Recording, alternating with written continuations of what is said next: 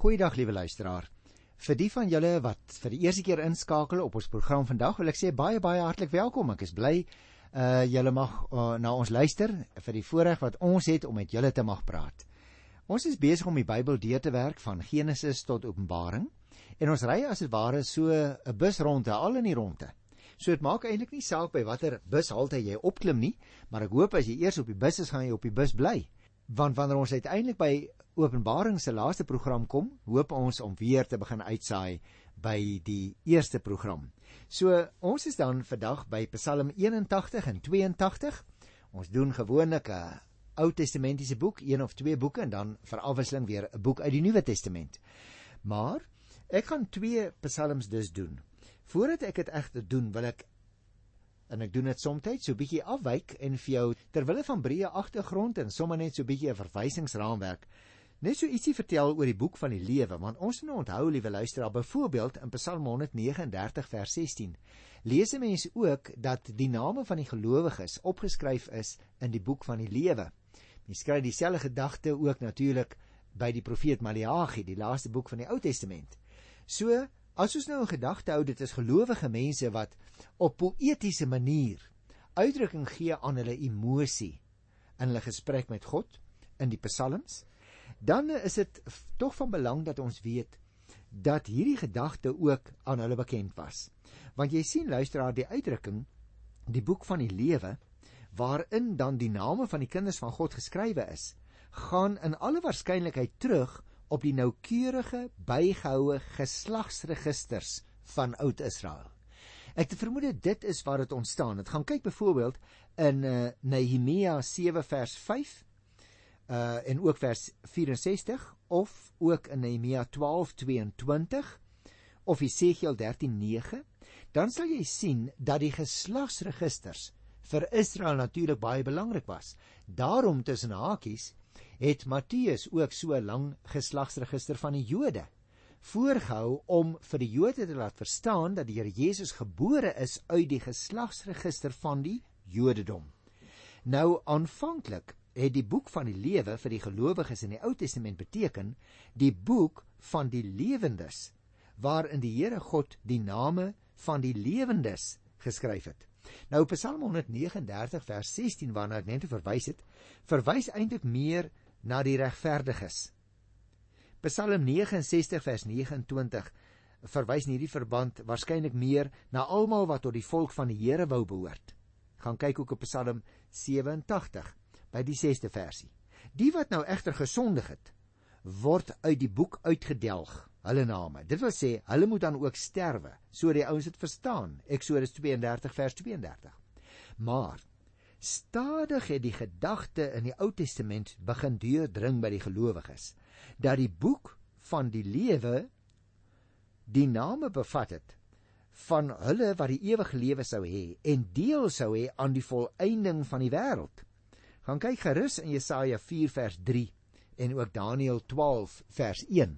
Dan sal jy sien die gedagte het tog by die profete begin deurkom. En hierdie gedagte breek duidelik deur natuurlik in die Nuwe Testament, waar die Here aan sy disippels gesê het dat hulle verheug moet wees omdat hulle name in die hemele geskryf is. Lukas 10 vers 20. Of dink maar aan Paulus. Die name van sy mede-arbeiders is geskryf in die boek van die lewe, Filippense 4 vers 3.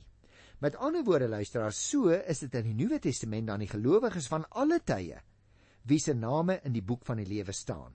Hebreërs 12 vers 23. Veral dan hulle wat nie geswoeg het onder die vervolging nie. Openbaring 3 vers 5 kry jy daardie gedagte.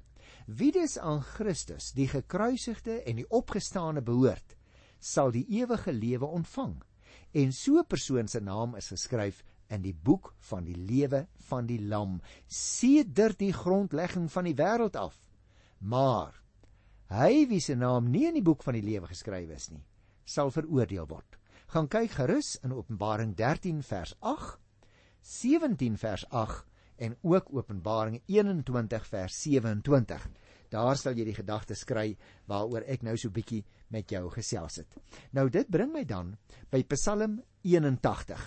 Jy sal sien die opskrif daarvan is as my volk maar na my wou luister. Nou eintlik het ons hier 'n baie goeie voorbeeld van 'n feeslied wat ook terselfdertyd soms beskrywe word as 'n geskiedenispsalm omdat dit terugwys in die geskiedenis. Dikwels word dit 'n feeslied genoem, moontlik vanweë die feit dat dit juis by die Hittefees deur die eeue deur Israel gesing is. En dit hang dus saam met die uittog uit Egipte land. Dit vergelyk dan God se goedheid met Israel se sonde van ongehoorsaamheid. Dat hy hulle nie net uitgedelg het nie. Die Here verlos ook vir jou en vir my, liewe luisteraar, ten spyte van wie ons is. En wie wat as sy kind geword het, ons word ongehoorsaam by tye, ons bely dit en hy vergewe dit.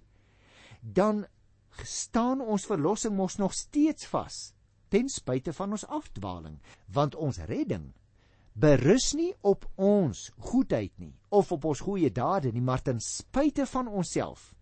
Daarom is dit interessant dat in die 4de versie daar byvoorbeeld vermeld word dat daar 'n ramshoring geblaas moet word op nuwe maan met volmaan op die feesdag.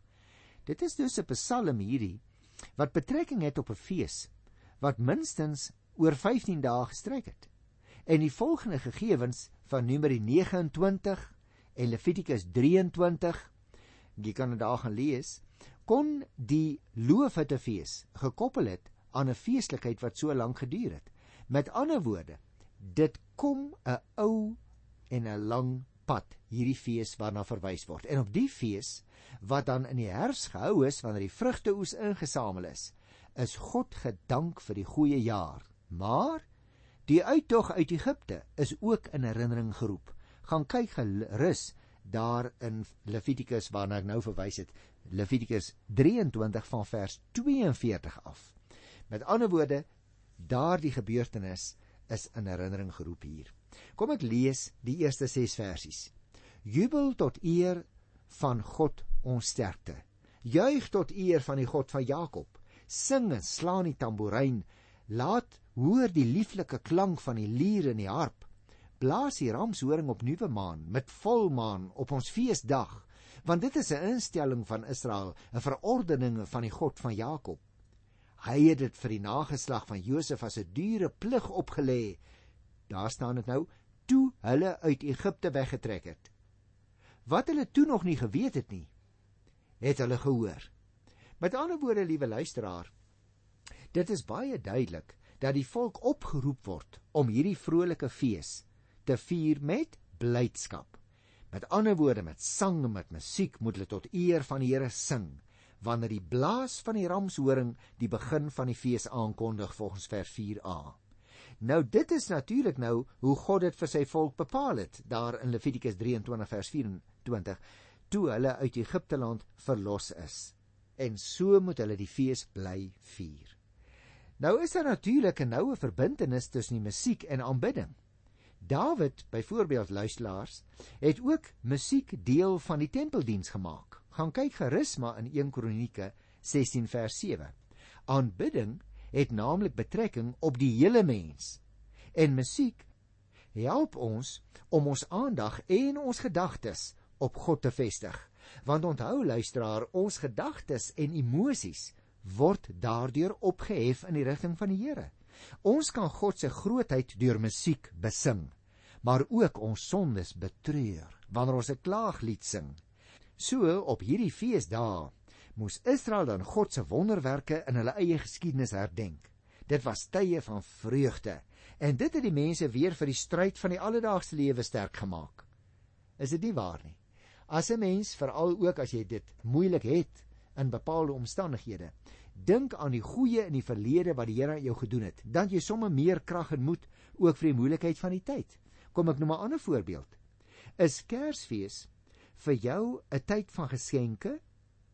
'n Tyd van feestelike ete? Hou dit daarop? Nee. Die feestelikheid van Kersfees herinner ons aan God se reddingsdaad, net soos wat hy Israel uit Egipte land uitgered het en dit feestelik herdenk is later. Net so herdenk jy en ek die koms van die Here Jesus Christus met Kersfees op 'n feestelike manier. Dit gaan nie net oor die fees nie. Ons moet onthou wat die feesdae regtig beteken. en daardie geleenthede dus gebruik om God te aanbid vir sy goedheid aan ons, aan ons families, aan ons land. Kom ek lees Psalm 81 nou verder, sy volgende perikoop, vers 7 tot by vers 11. Ek het die swaar drag van jou skouers afgehaal. Julle kon die mandjies neersit. In julle nood het julle geroep en ek het julle gered. Ek het julle uit die donderwolk geantwoord, julle by die waters van Meriba op die proef gestel. Luister my volk. Ek gee julle 'n opdrag. Israel, luister na my. Daar mag vir julle geen ander god wees nie. Julle mag voor geen vreemde god neerbuig nie. Ek is die Here julle God wat julle uit Egipte land laat wegtrek het. Wat julle nodig het, sal ek julle in oorvloed gee. Jy sien dus as hulle terugdink aan die verlede, dan moet hulle baie goed onthou wie die Here in werklikheid is vir hulle. Israel moes dus nie die oesfees vier as 'n fees waarin hulle net hulle eie ding wou doen nie. Dit moenie vir hulle gaan soos by die heidene soos 'n soort grond en natuur aanbidding wat ook nou by hulle uh, posvat nie. Die fees hou naamlik verband met hulle verlossing uit Egipte land. Die digter wat as hier namens God die heilsboodskap met sy verpligtinge, sy voorregte verkondig, vertel dit baie duidelik vir ons hier. As slawe van Egipte moes die Jode van destyds hulle mandjies vol klei op hulle skouers van die kleigate af na die bouwerk toe aandra. Nou sê die psalmdigter op 'n pragtige poëtiese manier: Die Here self het die mandjies van hulle skouers afgehaal daar in die 7de vers en hulle kon dit daar los. Hulle kon as vry mense, sê vers 7, wegtrek. Nou daarmee, liewe luisteraar, het God natuurlik sy hulp nie opgehou nie. Toe die Egiptenaars hulle agtervolg, het die Israeliete om hulp geroep, lees ons, en God het hulle geantwoord vers 8 in die wolk. Tussen hulle en die Egiptenaars het die Here gaan staan in gestalte van 'n wolk. Dan sê hy in vers 8c, by Meriba, onthou jy nog die geskiedenis? By Meriba het die Here vir hulle water gegee nadat hy hulle geloof getoets het. Gaan kyk die verhaal as jy wil in Eksodus in Eksodus 17 vers 1 tot 7. Maar die reddingsgeskiedenis het sy hoogtepunt eintlik eers bereik by Sinaai. Onthou jy nog wat het by Sinaai gebeur? Toe God sy wil aan Israel bekend gemaak het.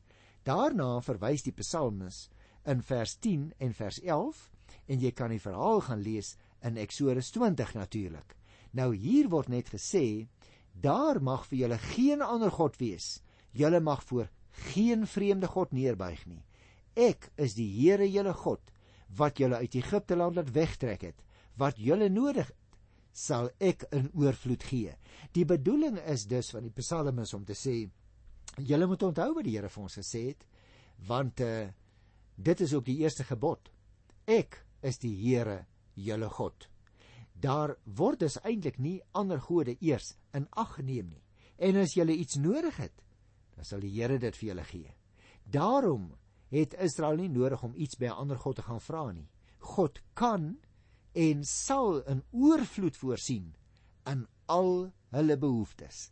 Hy sê dit aan die einde van vers 11 en hy sê dit ook in vers 17. Maar julle sal hy voed met die beste koring, julle versadig met heuning uit 'n rots. En daarom wil ek graag die laaste perikoop lees hier van vers 12 tot by vers 17 maar my volk het nie na my geluister nie. Israel wou niks met my te doen hê nie. Daarom het ek hulle laat begaan in hulle koppigheid en het hulle hulle eie sin en wil gevolg.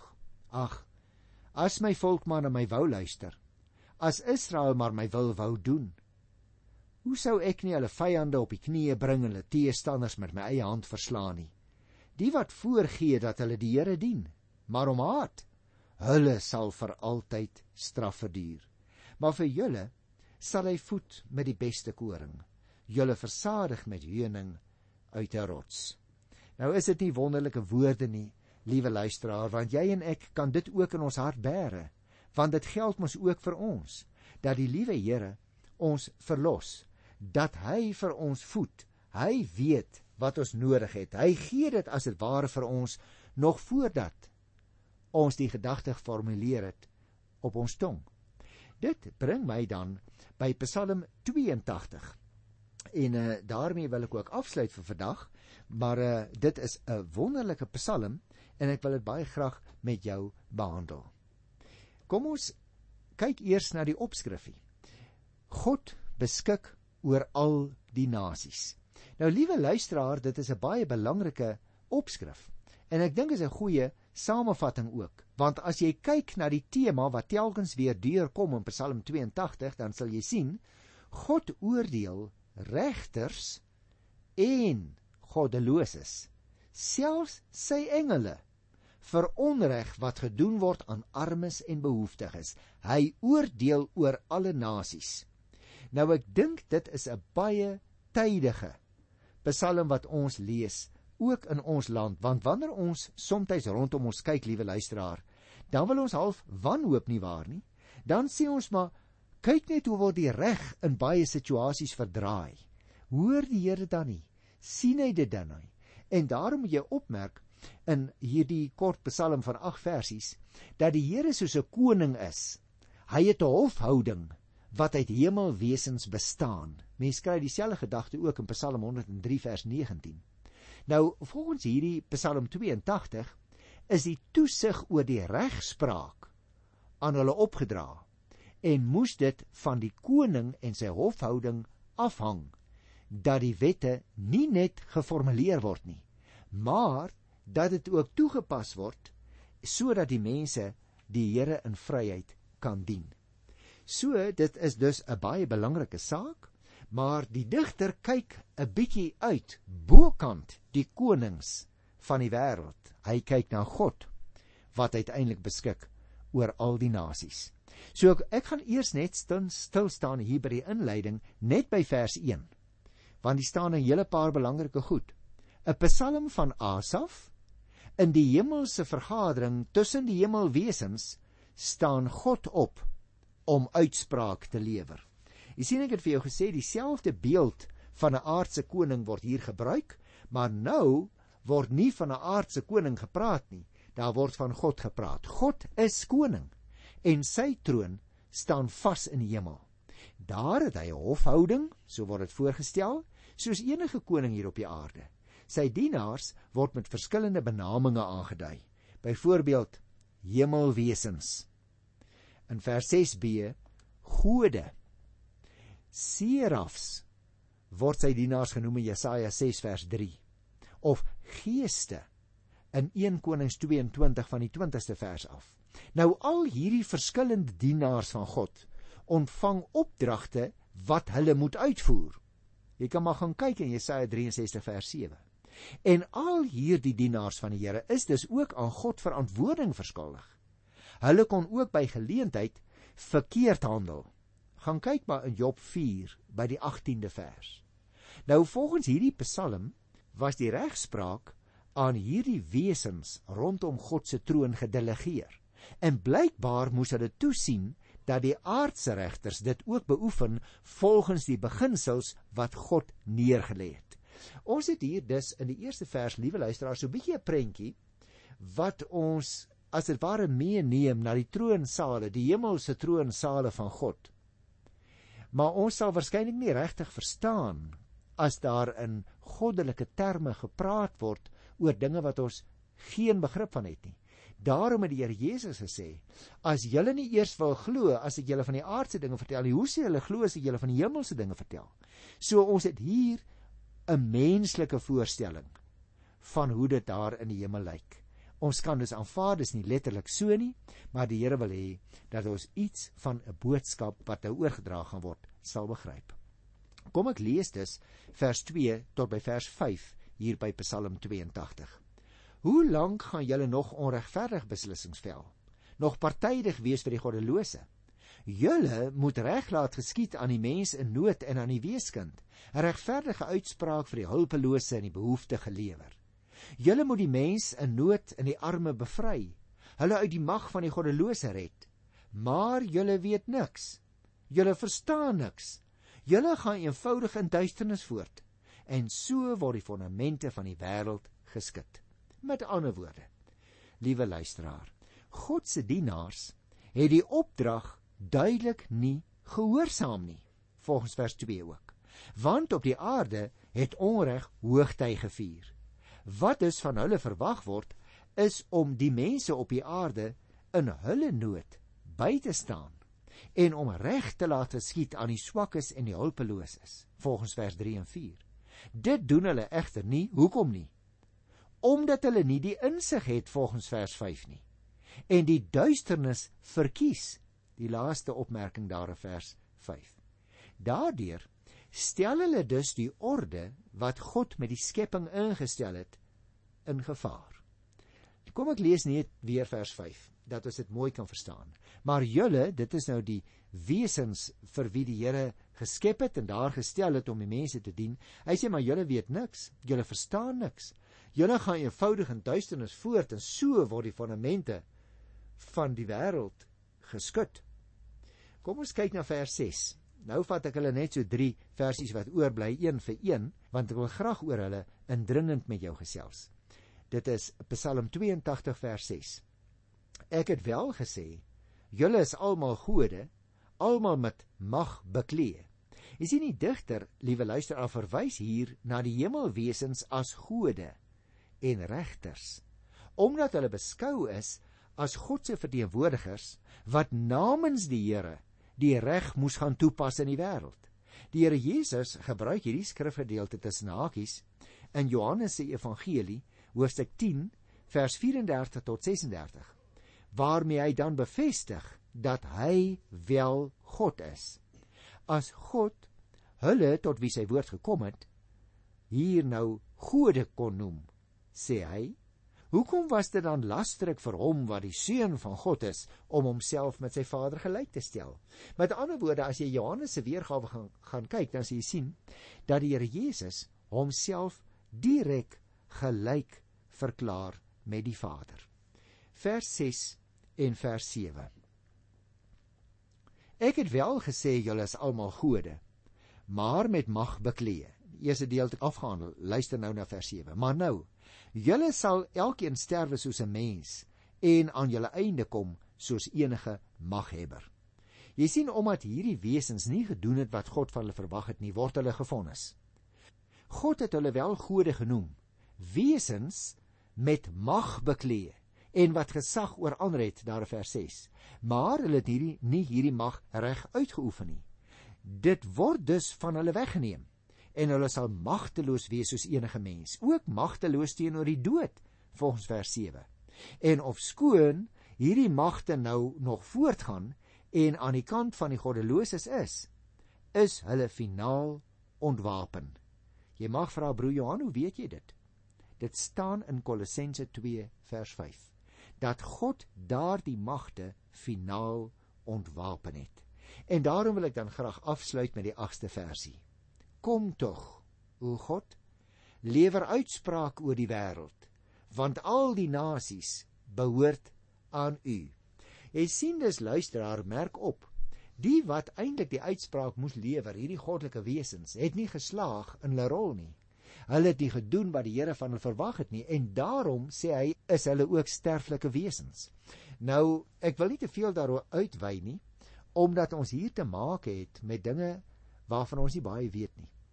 Maar wat duidelik is, is dat die Bybel hier vir ons leer dat die psalmes vir ons leer.